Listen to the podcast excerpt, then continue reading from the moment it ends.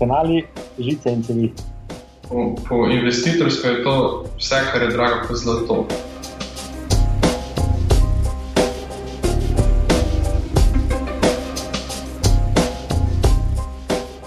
Pozdravljeni v oddaji podcasta BIM Pogovori, v kateri se z gosti sproščeno pogovarjamo o informacijskem modeliranju zgradb in informacijsko-komunikacijskih tehnologijah v gradbeništvu. V oddaji bomo tokrat govorili o BIM nivojih, celovitih BIM modelih, MEP-u in še čem. Z vami sva Robert in Mateoš. Pozdravljen, Robi. Zdravo, Mateoš. Um, danes um, imamo v bistvu gosta, lahko rečemo skoraj da je prvi takšen gost, tega, ker ga praktično v živo nismo imeli prilike spoznati, razen v, oziroma pač na prvem seminarju oziroma konferenci CBIM v Lendavi lansko leto. Tako da toplo pozdravljam Primoža Trleta iz podjetja Živa hiša. Pozdravljen, Primož. Uh, pozdravljen, Matež.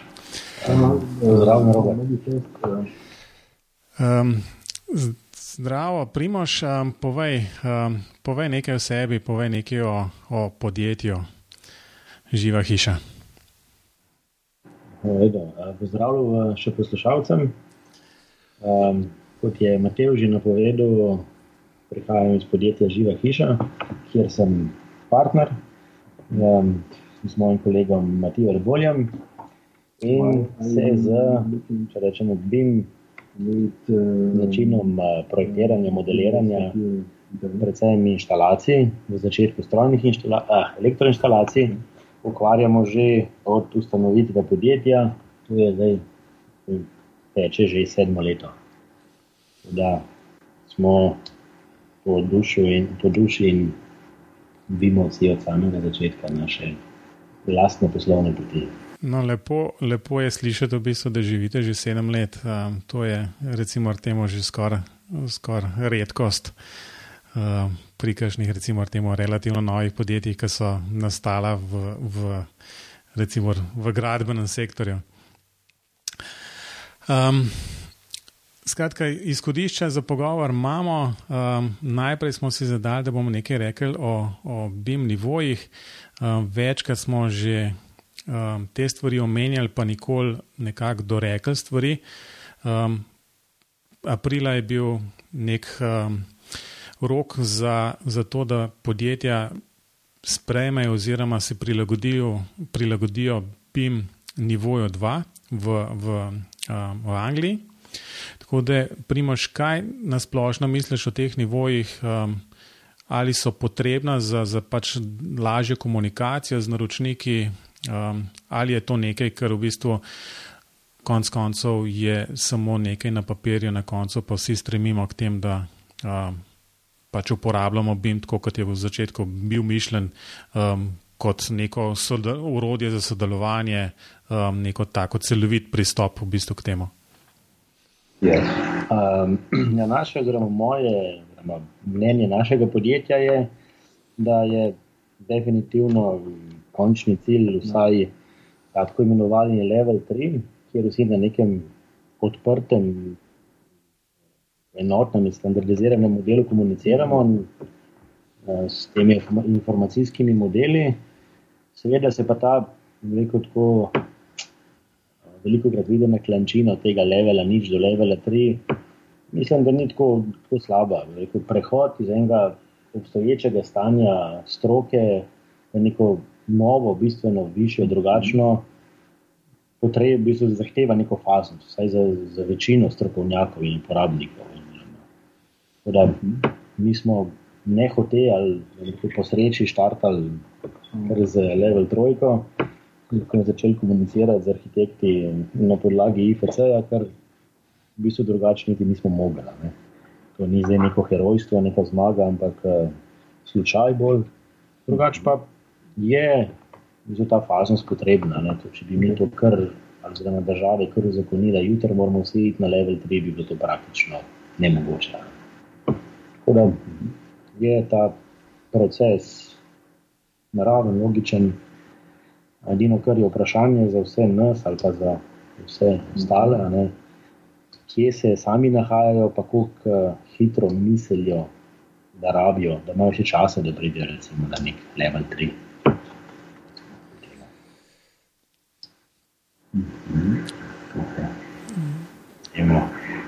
Kar se tiče nivojev, če pa rabimo kaj več razložiti, kaj kaj nivo je. Ja, ja, mislim, mislim, da neke nujne, nujne potrebe potem ni v bistvu v zapiskih, bo um, povezava na um, razlago teh nivojev. Um, prej si nas tudi izval v pogovore, ki smo ga imeli pred snemanjem, v to, da bi bilo primerno um, te BIM nivoje prevesti v slovenščino in nekako um, zato, da je enkrat na enem mestu to um, zbrano in napisano.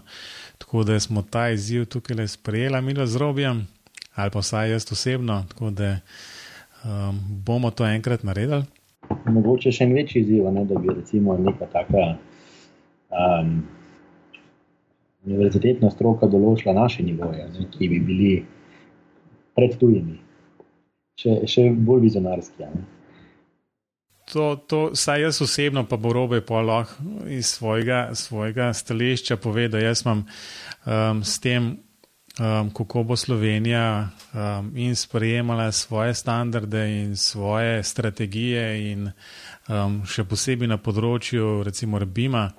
Um, rahlo, rahlo sem skeptičen, na trenutke tudi močno, um, ker imam zmeraj občutek, da, da se delamo, um, da nekaj ni dovolj dobro za nas, um, kar so odzuni, recimo v skandinavskih državah, pa v Angliji, Nemčiji in še kje um, to že davno sprejeli.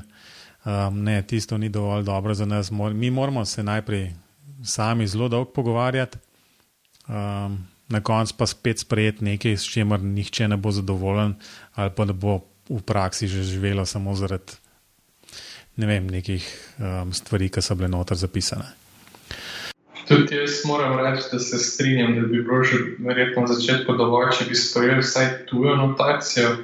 Me ne moti, če temu rečemo, pač ni bilo nič, ena, dva, tri, kako bomo temu rekli. Mislim, da bi šele potem, ko bomo to sprejeli, uh, lahko bolj ambiciozne cilje postavili. Ja, se kar strinjam. Ne. Je pa le mogoče ena mera tega vlastnega udobja, komforta, da ne rečem le nobe. Ne. En je tole slik so naredili in zdaj vsi krasno uporabljamo v razno raznih razlagah, ne, na mesto, da bi se potrudili narediti kakšno, mogoče za naš trg primernejšo interpretacijo tega. No, in to je izziv za nas na fakulteti. Ja, um, res je, bomo, kot rečeno, bomo se potrudili, pa nekaj um, sestavili.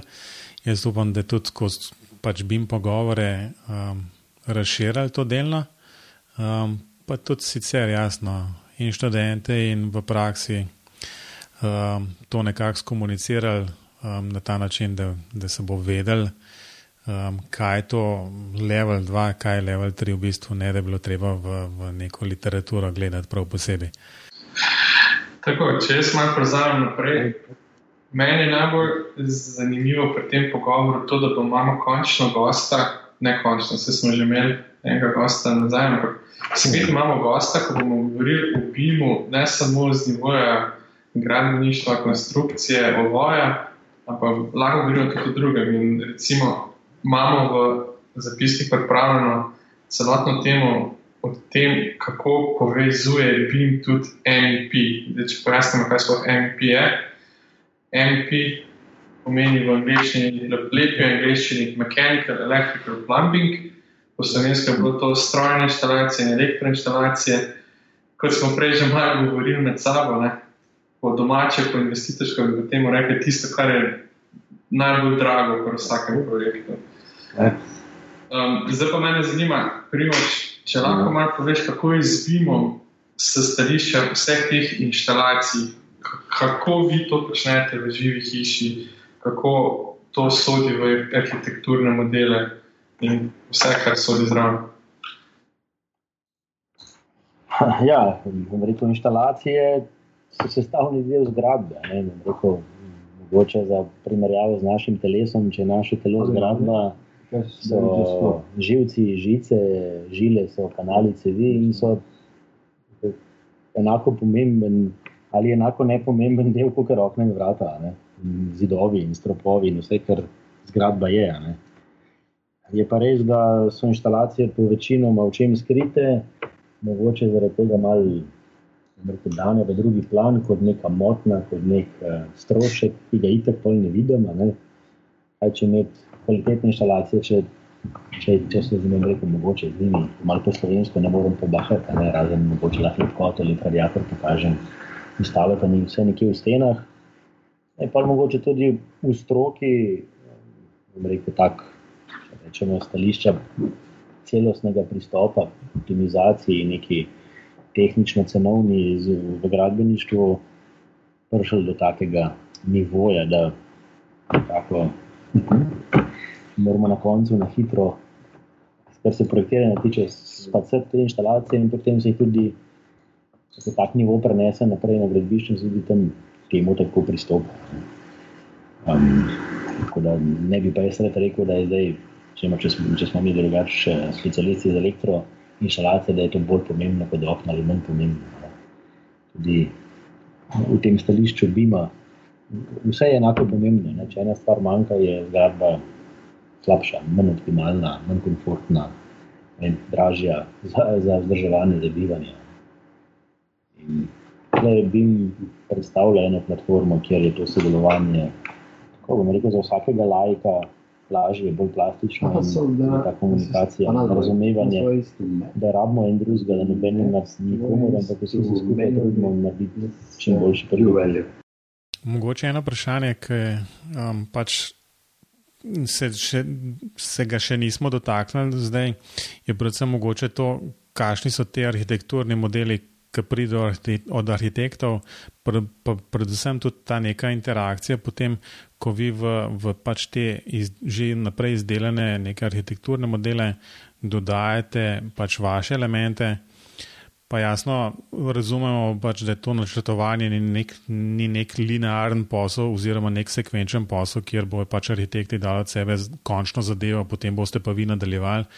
Kakšna je potem ta neka interakcija, ko pride do, do, do, do določenih sprememb, ki jasno potegne za sabo tudi neke določene spremembe v, v vaših uh, modelih? Ja, zdaj, uh, rekel, naš, uh, naša zgodovina bimanja je taka, da, kot sem povedal, smo mi sami uh, izbrali sebe eno bimorodje, um, ki je zelo edino, ki je elektroinstalacija do nivoja projektiranja, tako krogov. Uh, um, po vseh evropskih standardih zagotovilo. Um, seveda, potem je to specialno urodje samo za MEP in je arhitekturni model um, zgolj razvit do nekega nujnega nivoja, do rekel, enostavnih uh, tipov zgradb.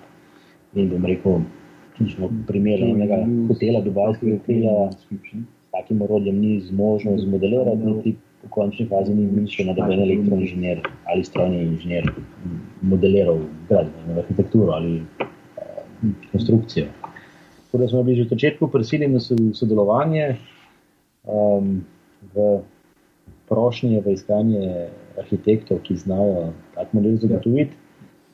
Um, kasneje, če pa rečemo, se bo pred dvemi leti pojavila še nova poslovna ideja, kjer smo začeli to urodje ki smo ga sami do takrat štiri leta uporabljali, tržiti na področju Amerike, Republike bivše Jugoslavije in potem zelo hiter tudi pomagati uh, našim strankam implementirati BIM proces v njihov vsakdan.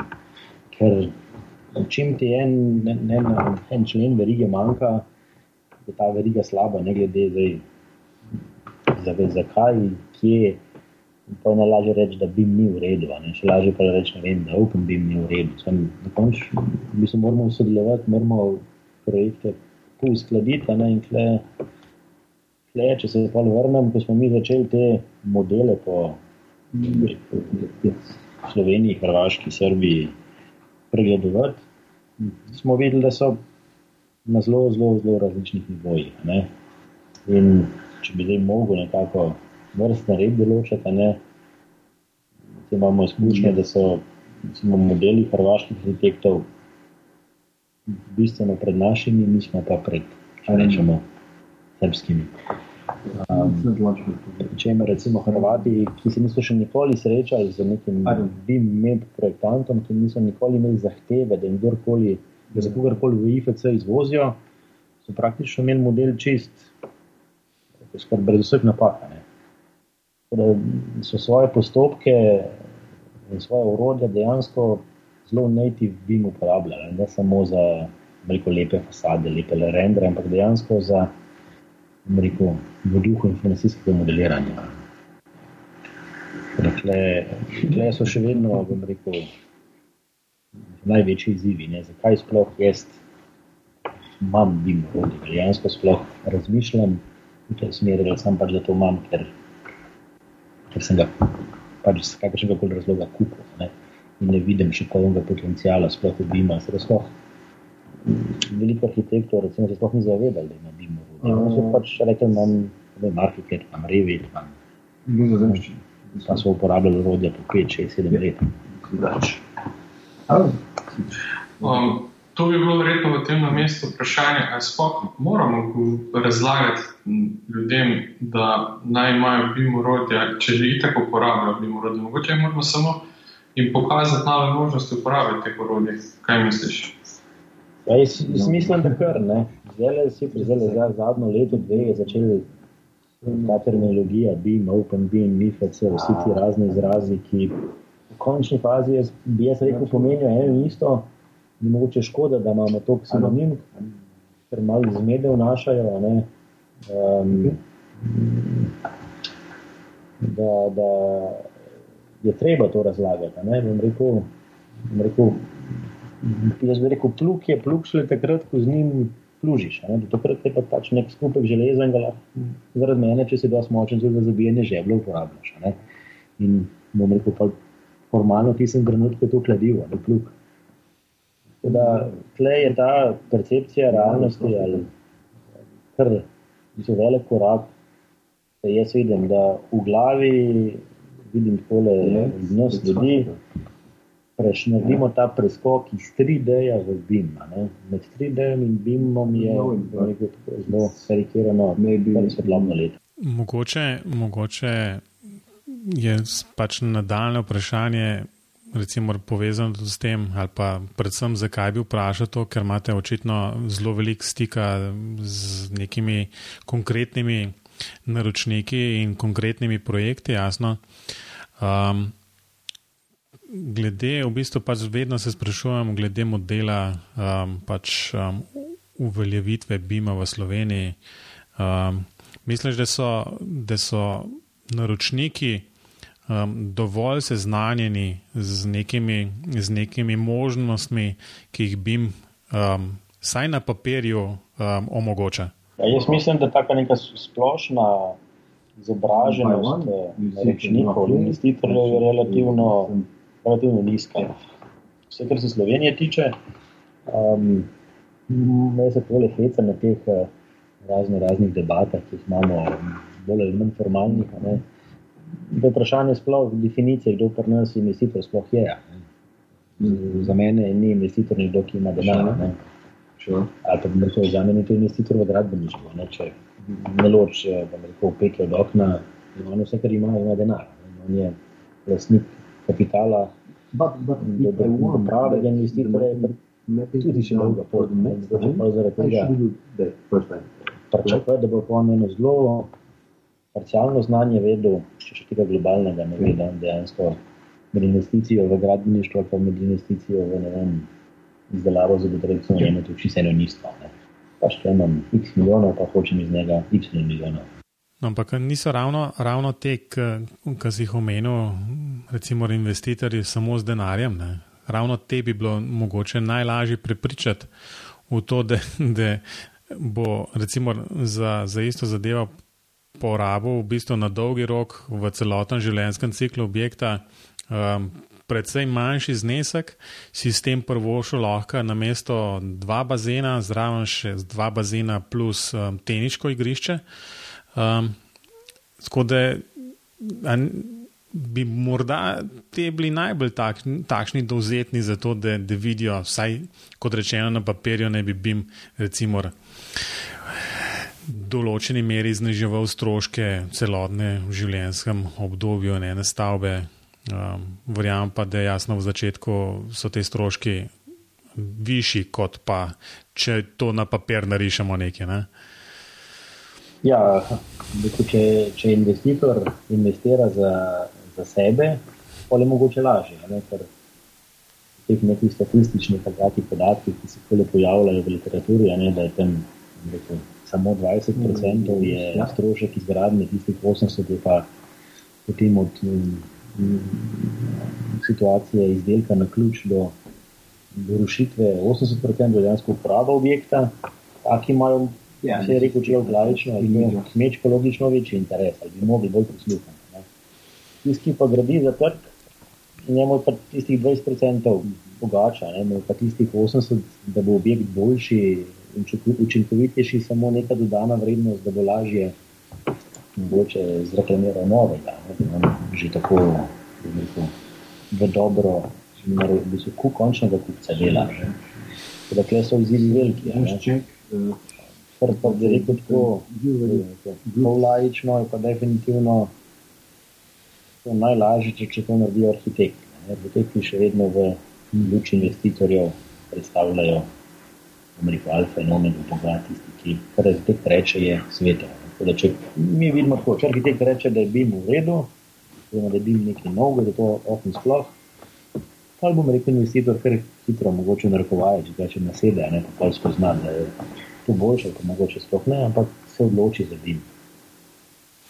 Okay. Um kaj pa meniš, obstaja pri vseh teh projektih, pa glede na to, da so projekti različnih velikosti in različnih vrednosti, obstaja kaj neka kritična točka, kjer se prelomi, da se BIM splača, ali si mnenje, da, BIM, da so prednosti BIM dobre za vse velikosti projektov. Ja, ja. Zelo tako, mogoče. To je situativno vprašanje. Ne? Ja. No, vse Slovence, ne bom rekel, avtomobile najbolj razumemo. Ne, in, mogoče pa vprašanje nazaj. A, Twingo ne sme biti komforten, zato ker je majhen. Ne sme biti uh, optimalno izdelan, ker je majhen. Domena samo velikih limuzin. Mi smo prepričani, da se, da se splača bimati tudi rekel, eno družinsko hišo, alatrijsko hišo, ki je še bolj za dva upokojenca veliko 80-90 kvadratov.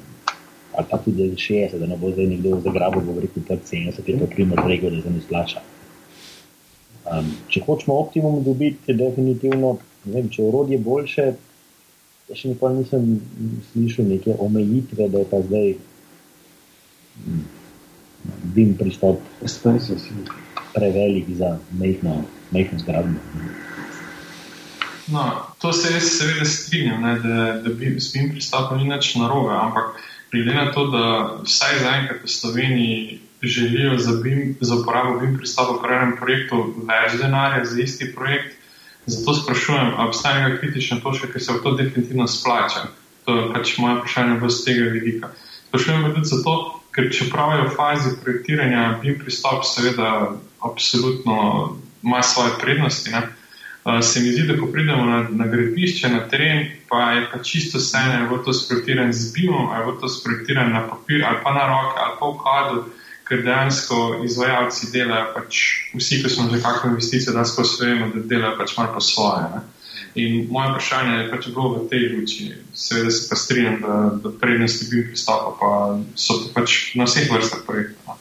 No, no to, če, če mogoče še malo dodamo, ne, ni za vmes v tej tržniški fazi Dima.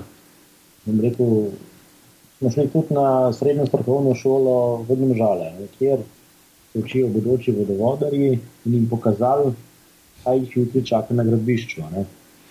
Tako smo rekli, če en ne razume novega načina podajanja informacij, potem se tega ne bo držal, ker, ker se ne more, ne, ne da se noče. Ne. In smo do tistega, pridemo na, vedno nazaj do tistega najšipkejšega člena, ne glede, kot so ostali členi verige, fenomenalni. Um, zdaj, če, če smo pri, pri, ravno pri projektih in, in teh stvareh, um, lahko omeniš kakšen um, izveden projekt um, v Sloveniji, ki je bil dejansko v celoti um, narejen. Um, skratka, da, da je na koncu bil izdelan nek celovit BIM model um, z vsemi, od arhitekture do, do MEPA in do vsega um, noter. Kar nekaj, veliko zdaj že, ne samo več pionirskih uh, procesov v določenih arhitekturnih birojih, poteka čisto na nivoju enodružinskih hiš, kjer že vključujejo tudi strojnike, um, elektroprojektante, malo počasneje, ampak tudi že so zametki. Drugač pa, sicer ne vem, do kjer nivoja je šlo, ne recimo zadnja taka izvedena zgradba, ne je kristalna palača v BTC-ju. Tam je vse stališče arhitekture, da je bil BIM relativno na visokem nivoju. Um, so imeli pa velike težave vključiti v to projektante inštalacije, zato ker nas je izredno malo. Mi smo takrat, če smo začenjali to pot, tudi, da bi se mi kar podali, ker s prvim projektom tako, tako veliko kvadraturo bi. Eh, če, če, če nas bi kdo povabil, ne vem, če bi sprejeli to, ne, vse ne v taki zelo resni vlogi. Um, je pa tudi v tujini to, rekel, rekel, v povprečju, relativno začetni fazi. Rekle so, so priložnosti za Slovenijo ogromne, da ponudimo trgu to. Druga, ki se pa zdaj dogaja, je pa ta veliko srebrna hiša, ne, ki je sicer bila samo arhitektura, uh, zmodelirana z nekim BIM protokolom, hoče pa zdaj za nazaj, bi rekel, pit spraviti v rečemo, celoviti BIM model. No, um, mogoče, Robi, da, da je še vskočil še enkrat, ker ravno ko, ko je primaš tole razlago, se mi je utrnilo eno vprašanje. Um, pa ne vem, če smo se kdaj sprašvali, ker obimo kot takem, um, pač smo, saj mi dva z robijem, gradbenika, um, nekako veva, da se na gradbeni fakulteti in tudi prej že najbrž kaj slišijo obimo. Um, mogoče ti veš, kako je to, skratka, na elektro. Znajete elektro, bodoči elektroinženirji, ali ti kaj slišijo dejansko skozi, skozi študij o BIM-u ali pa strojniki, da vejo, kaj je BIM-u, ker konec koncev so vse te stroke dejansko del, del tega skupnega modela in jasno, če samo gradbeniki, pa recimo jasno tudi arhitekti, kaj o tem slišijo, um, je najbrž to premalo. Ja, za, za skupen model je to definitivno ne premalo, ampak slabše. Se bom rekel, nek mladi diplomat strojništva ali elektrotehnike, šele po diplomi, resno začne s tem ukvarjati ali pa sploh začne s tem ukvarjati. Ne. Zdaj, če rečemo na strojnih fakultetah, je to malo boljša slika, ne. so že eh, rekel, stvari šle naprej, kot prej, tudi če rečemo malo bolj. Uh, konstrukcijskih ali takih strojgradnih uh, modelirnih orodij, SolidWorks, Conjure in taki, ki Meaning? tudi so zdaj postopki, ki so zmožni IFC modeli izvoziti. Um, če rečemo na, na mali domači ali elektrofakulteti, je ta stvar bolj, rečemo, kritična, ne so pa zdaj še lahko dve leti nazaj sploh uvedli predmet inštalacije. Prej dejansko ti kot bodoči elektroprojektanci z tem nikoli nisi srečal. In če si prišel v firmo, si se začel sploh učiti projektirati. Aha, tem je situacija zelo podobna kot v gradbeništvu največkrat. Ja. Ampak, da bi rekel, vi se vse učite o konstrukciji. Rekel, um, elektrofakulteta ima tudi splošne usmeritve, energetiko, elektroniko, telekomunikacijo, avtomatiko. Ne? Vsi rabimo neki projekt, No, prav, no. Predmet se je še zdaj uvedel. Mi smo sicer pomagali prejemiti učilnice s tem, da bi se kedel s tem orodjem, ampak implementacija je dosti naprej od tega, da, da smo to podarili za enkrat ali žal še ne, ne, ne gre. To, to ni najbolj perspektivno. Te ljudje bodo čez štiri leta prišli z fakultet, praktično še avto, ker ne znajo nič. Um, Mene nekaj druga zanima, tudi glede tega celovitega bima. Sicer sem zelo prav malo stave voljo postal um, za to napoved v prihodnosti, tudi stališča enih druge vrste inženirjev. Ampak za ta celoviti bim Jaz sem splošno čutil tudi danes, ko govorimo, da govorimo pač o pripravi BIM-a v okviru projektiranja nekega objekta. Mene pa zanima, če imate vi na vašem podjetju izkušnje, oziroma koliko izkušnje imate pa s tem, da se ta model gradi oziroma gradijo tudi po izvedbi enega takega projekta. Recimo, ko že en objekt stoji, pa da se v tem, so kakšne spremembe, se potem ta BIM model nadgrajuje, pa se pravi potem tudi za upravljanje stavbe. A imate kakšne izkušnje s tem? Ali? No, to, da bi prav lahko naštel, eh, rekel še ena roka preveč. To, to je res že, že zelo, zelo napredno razmišljanje. Ne? Tudi mi, rekel, zdaj se veliko govori vem, o tem sedem dnevu, ki je čist končni, končni korak kompletnega BIM cikla. Ne? Sam jaz upozarjam vse, da dajmo mi najprej se zagnati, pa sploh ustvariti en celovit 3D BIM model, na katerem lahko naprej gradimo da jaz rečem, da bom nabral znanja sedem dni in čakal, da modeli pridejo, bom čakal, da no, dokler ne bojo prišli in dejansko ne vem, kaj početi s tem. Tukaj je treba res zelo step by step. Kljub temu, da so tudi že v ročnih slovenskih podjetjih želje. 4, 5, 6, 7, zdaj bi imel, ampak dobro, da imamo mi samo parcialni model, pa še ta ja, z nekim končnim nivojem kvalitete, ki se nima pa s temi no. nadaljnimi procesi, ki pomagajo. Ker se nima kam priključiti. So pa zelo jih pomagamo. Na timu, na Hrvaškem, okay. kjer imajo namen, okay. da se zdaj končati do enega meseca, na nov hotel v Zagrebu, v Vinju. Mm, se vključili zdaj prvič arhitekti, ki so že dolgo ne bili še projektanti elektrostrojnih inštalacij in imajo za cilj zgraditi, če rečemo, zelo, zelo tolerance, big beam, ali kako se to reče, beam modela. Ne? In od tam naprej um, nadgrajevati platformo do čim bolj proti sedem dni. No, primaš v bistvu Jaz bi, jaz bi to, um, recimo, ta pogovor malo speljal um, še v smer, recimo, standardov, še posebej IFC standarda. Um, prej si omenil pač to sodelovanje z arhitekti, um, pa jasno tudi gradbeniki in tako naprej. Um, vsi te vemo, da uporabljajo različna, različna urodja za modeliranje. Um, to jasno v, v, pač v tem tretjem nivoju potem pomeni, da izmenjava teh podatkov ali pa imeti neke, neko skupno bazo uh, in to skoraj vedno pomeni uporabiti neki IFC, se pravi IFC kot nek standard za izmenjavo podatkov BIM modela. Um, kako je pa s tem na področju um, pač uh, MEPA? Zdaj, uh, bom rekel, izmenjava, izmenjava modelov ali skupno modeliranje ali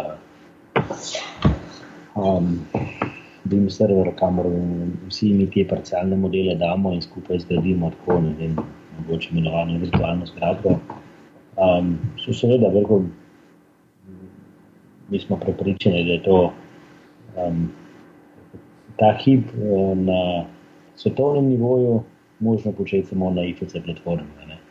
Ker eh, tudi to je edini standardiziran zapis. Zdaj, če naredimo enega novega, ki bo imel malo drugačen vrstni red parametrov, ne bo zaradi tega nič boljši in slabši, ne brez veze, da še enkrat štartamo z nule. Ne bo njih nek vsaj 20 let dela vloženja, to ni, ni tako mala stvar. Um, Seveda pa tudi to se razvija, gre naprej. Zdaj, ne vem, koliko poslušalci to se spustili. Trenutni IFC standard je 2X, je IFC 4, Um, operativni trenutni pa 2x3, na temu trenutno vse softverske platforme komunicirajo in imajo tako vse stvari in nek svoj končni nivo. Ne. In predvsem, uh, ker je do zdaj bilo zelo dobro pokrito z tem standardom ali z dogovorom, so, ko jaz rečem, na enostavno največji volumni v zgradbi, stene, okna, vrata, ti veliki elementi, ki jih vsi poznamo, so v IFC že čist, praktično perfektno standardizirani in je tudi izmenjava perfektna.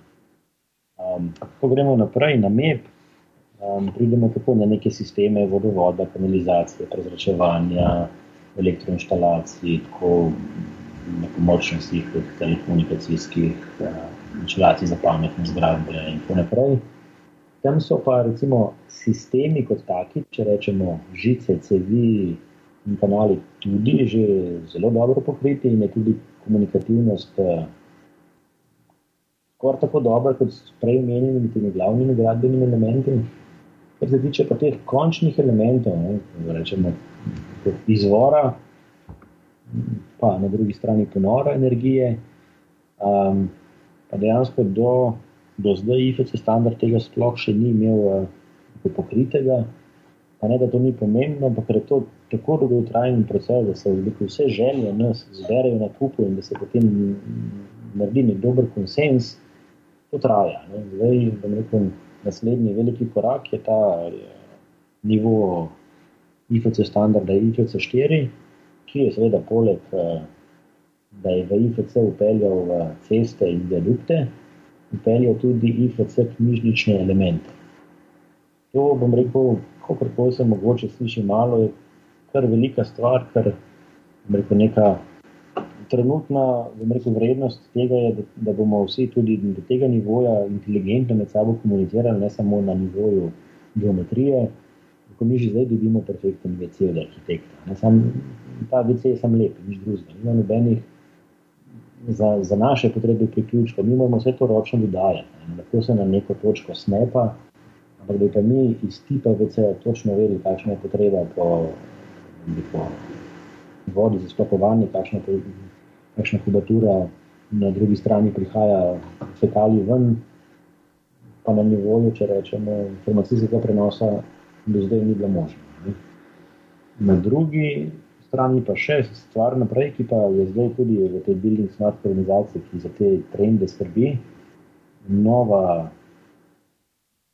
nov, nov moment, ki, ki se dogaja, je pa, da mi, da rekel, sploh v budućnosti ne bi več rekel, modelirali ali projektirali na nivoju knjižnic, da je spet projektant med vsemi rečemo, da v idealu bi vsi proizvajalci naredili IFC knjižnice in bo vse na voljo. Um, in bom jaz zbral najboljši uh, element, ampak da bom jaz, bom rekel, bolj opisno modeliral, projektiral in potem moj opis želja oziroma robnih fizikalnih pogojev poslal na oblak, da mi bo pa oblačna BIM aplikacija sama sfiltrirala, kateri proizvajalci oziroma kateri elementi paše v te moje kriterije in jih bo nazaj ponudila, in jaz pa samo med tistimi izbiral. Drugače obladovanje, če si predstavljate, ne vem, v gradbeništvu, spet ni to neko tekmovanje. Ne vem, ocenjeval je 100 tipov sendviča zidov, ne, um, ne vem, na njem elektroprojektivi imamo pa recimo svetil na tisoče, kjer ga zdaj zbrati. Tako da tle, tle gre zadeva, bom rekel, vse je z tega idejnega stališča blazno naprej.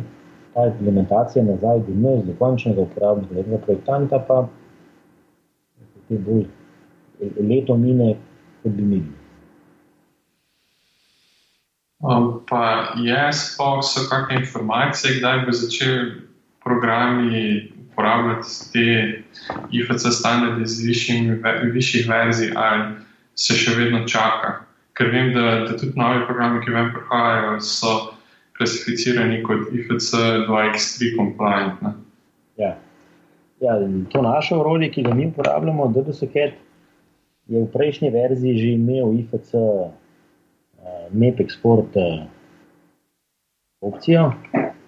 Um, ta se je pol, ko je zdaj zadnja verzija, ki je uporabljena, verzija 11 šla, so to, da rekel, ugasnili in so zbrisali. Zaradi pač enega razloga, da smo bili edini, ki smo pač znali dve leti nazaj IFC4 eksportirati. In je bilo vprašanje, komu ćemo sploh to eksportirati, če noben ne more tega importirati. Drugo, razlog je bil, da, da trenutno na Building Smartu lahko rekel, daš v pregled samo nivo 2x3 in dobiti, pridobiti certifikat za, za nivo komunikacije, ki jo pač neko programsko orodje zmore. In ja, da rekel, se to zdaj malo čaka. Ne kljub temu, da bi mi radi vse zelo hitro. Ampak, če pa širše pogledamo, da pa eno mi, eno državo, eno Evropo in svet vključimo to, pa pa taki kot smo mi, ko smo mogoče so preveč pionirski, ne pa mogoče malo pre, pre nestrpni, ne, ampak če večina sveta še sploh bin koncepta ni razumela, jaz pa, ko bom nekaj zdaj pač slučajno, parcialno šest let že na IFC komuniciral, pa že dve leti jamram, zakaj ni štirke. Ne je um, ta izziv prehoda iz enega, da rečemo, iz konja na avto, tudi ni tako hiter. Kljub temu, da je danes vsem jasno, da z avtom hitreje prideš nekam kot s konjem. Ja, to je vedno, vedno problem, kako. Um, ne samo, da je problem to najbrž pravilno implementirati v, v ta obstoječ softver, um, pol najbrž obstaja cel kup problemov z um, obstoječimi knjižnicami, um, družinami nekih objektov, um, pa da ne rečemo o tem, da je vprašanje, če tem razvijalcem um, neko blazno, blazno v interesu, da bo pa ta IFC 4 ali pa IFC 5 v končni fazi enkrat ne, res takšen, da pač teh native formatov sploh ne bom ben več uporabljal. No, je pa res, da recimo zdaj, rekel, veliko proizvajalcev programske opreme ima brezplačne viewer, ki se lahko IFC modele vsaj pogleda in rekel, naredi dvoklikni element in ven prebere vse parametre, ki so bile s strani nadležnega projektanta eksportirane. In do desetletja ima tako kot tudi veliko drugih svoj IFC viewer, brezplačni, ki je A mogoče zdaj že so Libri tudi začel, ampak vse do, rečemo, par mesecev nazaj bil edini, ki pa bo neko navijal in so pa pustili, če je funkcija vključena in bil edini viewer, ki je lahko IPC 4 odprl, sem spet kaj ne odpreče, noben ne eksportira. Če malo, da vse niso, če so se že tako potrudili, da niso vse čizaj zagrnili nazaj za res. Ja. Um. Jaz mislim, da smo kar obdelali vse te stvari. Um, Robi, kaj praviš? Mislim, da so oni, da lahko gremo naprej na novice. No, no pa pojmo. Um, super debata. Um, mislim, da, da se bomo najbrž še vračali kdaj na, na te stvari. Um, še posebej, ko bo enkrat, recimo, IFC 4 spet pač zaživel do te mere, da, da pa ne bo samo DDS kot takšen, ki bo to podpiral. Uh, skratka, v, v tem delu novice in priporočila pač recimo malo govorimo, kaj nas zanima, kaj je tisto, kar je vredno poslušalcevega časa. Primaš, povej, uh, kaj si pripravil, če si kaj. Ja, jaz sem tole, ko sem spet s tem, če rečemo, malo petu IFC, moril, ker smo ker z njim že dolgo časa živimo in smo se čez njim poistovetili in se nam kakorkoli, karkoli drugega, če nehamo to početi, zdi korak nazaj. Ena novica, ki je na zadnjem novičniku Building Smarta bila objavljena, je, da je organizacija cen, ki je v Evropi zadolžena za standardizacijo oziroma za sprejem novih standardov za področje Evropske unije. Um, prešla v zaključno fazo um, implementacije v svojo standardizacijo in tudi v evropsko standarda IFC4. On kot tak je že bil prej ISO certificiran, zdaj ga pa tudi cen, bom rekel, bom rekel prevedel na svoje užance in uh, tudi, bom rekel, vrši močne aktivnosti da do, do konca leta preide kot neko nova norma za level 3 za področje Evropske unije. Ja, bomo, bomo videli, ne, kako se bo to, to dejansko um, izpolnilo. Um, skratka, jaz sem zmer pri, pri vseh teh napovedih rahlo skeptičen, um, še posebej v Sloveniji, čeprav jasno, takrat, ko je na nivoju, na nivoju Evropske unije v bistvu neki spred, ko so neki evropski standardi, potem je pač Slovenija najbrž obvezna to v do, nekem določenem času tudi um, poklukati. Ja, nažalost, mi vedno čakamo Evropo in pa v enem doglednem času in pa zelo hitro sledimo. Brez razmisleka. Brez razmisleka. um, no, jaz pa danes nimam novice, ampak imam eno priporočilo. Uh, in sicer, če se kdo med poslušalci ukvarja z programiranjem za splet, oziroma spletnim programiranjem, spletnimi stranmi in podobno se verjetno velikokrat sreča s kakšnimi stvarmi, ki na enem brskalniku delujejo, na drugem pa ne, in potem ne veš zakaj in kje deluje, in ne moreš pa poskusiti na vseh brskalnikih in podobno. Zato sem našel eno odlično spletno storitev, ki se imenuje canayuse.com.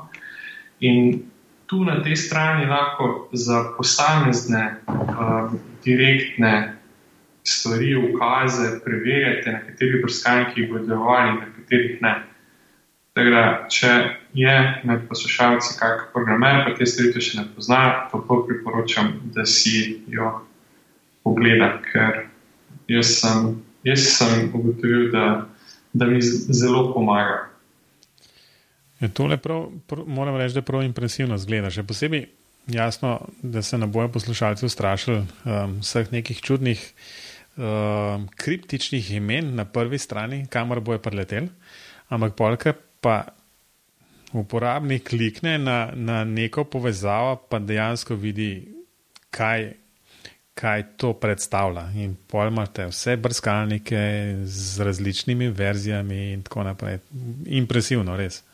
Pa zelo intuitivno. Ja. Zelo intuitivno. Poskusite. Okay, hvala, Robi. Uh, No, jaz imam tudi eno, eno tako priporočilo za en program. Um, program ScreenFlow za snemanje zaslona. Um, dela pač zato, ker uporabljam Apple računalnike, v bistvu dela jasno na Macu samo. Um, je pa pač zelo kvaliteten, um, skratka, celoten zaslon v novi verziji. Um, omogoča tudi um, snemanje samo dela zaslona ali pa samo eno aplikacijo se pravi eno okno aplikacije. Se pravi, če imate potrebo po kakršnih koli demonstracijah, um, pripravi um, nekih izobraževalnih videoposnetkov in podobnih stvarih, potem je ta ScreenFlow jasno um, en izmed boljših aplikacij za, za Meka, um, ki pač to dela. Um, no, če gremo naprej. Um, skratka, to so bila priporočila, na proti koncu gremo, ostaja še tale hitra vprašanja. Um, primaš tukaj se ti na vrsti, da odgovoriš na tri klasična vprašanja. In prvo vprašanje je, um, katera programsko, BIM programsko opremo uporabljaš, oziroma katera je pač tista tvoj izbor. Ampak po dosedaj povedanem, mislim, da lahko vsi oganemo, kje to je.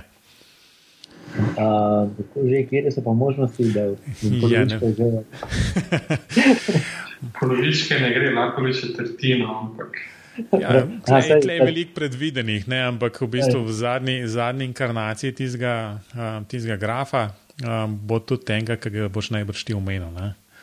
Tako je, to je pač uh, DDSK uh, od uh, norveškega proizvajalca Data Design System tako rodom, kasneje so pa naredili spostavo v Nemčiji in naredili veliko internacionalno verzijo, katero uporabljamo in tržimo in pomagamo implementirati.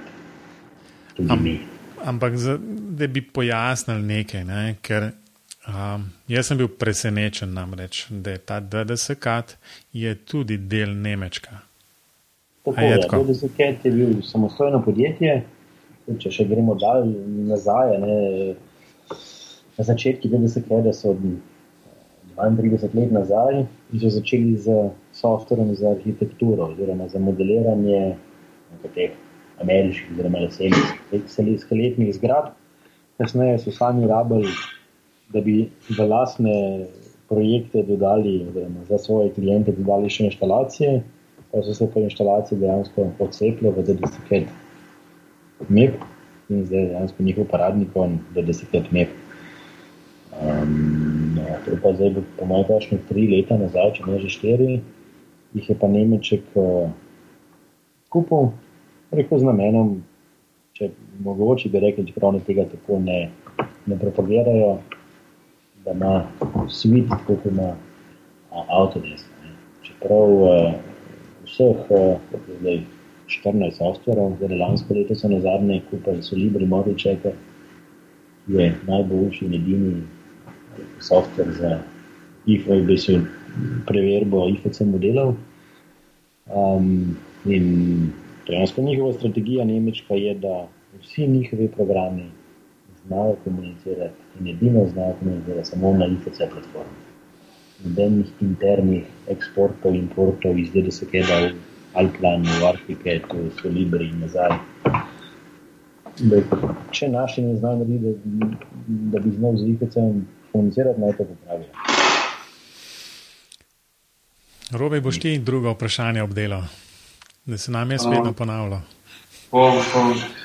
Drugo vprašanje je, to imamo mi tu z Matejo vedno tako polariziran. Pol, polarizirajoče mnenje, da se bo jezik zapletel. Kako razumeš BIM? Je to za te model ali proces, ali mogoče kaj tretjega? Ja, glede na to, kdo me sprašuje, bom rekel, da je proces. Ne, ne, ne, ne, to ne velja. ne, ne, je pa tudi res. Rekel, če bi mogel se odločiti um, za eno besedo, kot na sodišču, bi rekel proces. Odlično. Zdaj, če boste poslušalci pogledali ta naš nesrečen graf o, o teh hitrih vprašanjih, boste videli, da sem še zmeri edini, ki, ki je odgovoril model, tako da jaz upam, da naslednji gosti vse bojo tega zavedali in um, bo glasoval, kdo zame. Mislim, da te lahko krukine v to vprašanje. Ne, ne, ta, ta, ta, jaz, jaz sem v bistvu včasih mal mazohista, v bistvu tako sem šel tudi zmeri, ne vem, kaj bilo treba se odločiti, kam še študirati, sem rekel, ah, tam je zelo veliko matematike, ne, uh, ki je podobnega, ne. Um, Bom jaz izrekel takšnega hrvaškega gosta, ker po moje slovenski noben ne bo več upal reči model, zato so se rekli, da je proces. Okay. No, zadnje vprašanje, pa spet vemo, najbrž eh, kakšen bo odgovor, ampak um, vseeno, um, skratka, govorimo jasno o BIM, Open BIM-u oziroma standardih, ali je potrebno oziroma je nujno včasih malo potrpeti, ker vemo, da je včasih ta IFC nesrečen ne dela tako, kot bi čist moral. Ne? Um, ampak najbrž se splača malo potrpeti. Um, kaj praviš? Ja, odgovor je, seveda, da da, OpenBeam je ni prihodnost, ampak je sedanjost in bom še prepričan tudi, se tako nadaljevalo v prihodnost. Se pa trpljenja tiče, pa jaz vsem predlagam, na svetu je ogromno urodij, v BIM-u nič ni od nikogar. Kadarkoli lahko zamenjaš in če te eno urodje ne ustreza, ali pa v enem delu procesa ne ustreza, probaj z drugim, pa boš mogoče bistveno manj popel. No, lepo, lep zaključek. Um, skratko, ja, res. Um, no, v bistvu smo pri koncu, tako da ostane še um, to, da um, primaš povej, kje te lahko poslušalci najdejo. Um, če želijo kaj komunicirati, kaj vas kaj poklicati, da, vam, da vi direkt poveste, kako in kaj z MEP-om in podobnimi stvarmi? Um, v neki fizični obliki me največkrat najdem na letališki 27, kjer imamo svoje podjetje. Um, kar se tiče elektronskih komunikacijskih medijev, pa v nasprotju, da smo na BIM-u zelo naprej, smo pa na tem pa zelo tradicionalni. Rekel, lahko me najdejo na elektronski, na elektronski pošti primos.tarle.afna.zivahisa.si ali pa me pokličejo, najenostavno je na 031 651 273 in rade volje, da pa še največ grem na kavico, pa pokažem, kaj si nas gleda in celoviti dim model, pa ker je drugače na teh platformah, twitterskih in taktičnih in drugačnih, to ne, se mi zdi kar težko, da bi skočil po enem, dva deslipca, pa da bo jim zelo jasno. Robi, kaj? No, jaz sem še vedno dosegljiv na robertartnaklinc.net. Če komu bolj leži Twitter, na Twitterju sem @robertklinc, ampak še vedno tvitam vsem drugim, obimu pa je zelo malo. In ti, Matejš? Um, skratka, najlažje, če greste kar na mojo spletno stran, matejšdolenc.com, tam so tudi vse te stvari um, polinkane. Um, tako da ob koncu, morda samo še, um, kako je z BIM pogovori na spletu in na družabnih omrežjih. BIM pogovore najdete na bimpogovori.com, kjer najdete tudi informacijo, kako se na podcast naročite. Um, BIM pogovori so tudi na, na Facebooku in Twitterju, objavljamo sporadično. Um, nekdo je rekel, da je premalo, se bomo potrudili, da bomo več. Tako da ob koncu bi se res zelo toplo zahvalil Primožu, da si je vzel čas um, za tale kratek pogovor. Upam, da je poslušalcem um, določene stvari pojasnil. Tako da res še enkrat najlepša hvala. Uh, hvala vam za povabilo. Pa upam, da, da to lepo štetko čim prej implementiramo, da se še kdaj kaj uh, slišimo. No, Vsekakor bomo držali za besedo. Tako je. Res, uh, skratka, najlepša hvala tudi poslušalcem za, za poslušanje in adijo. Adijo. Lep pozdrav.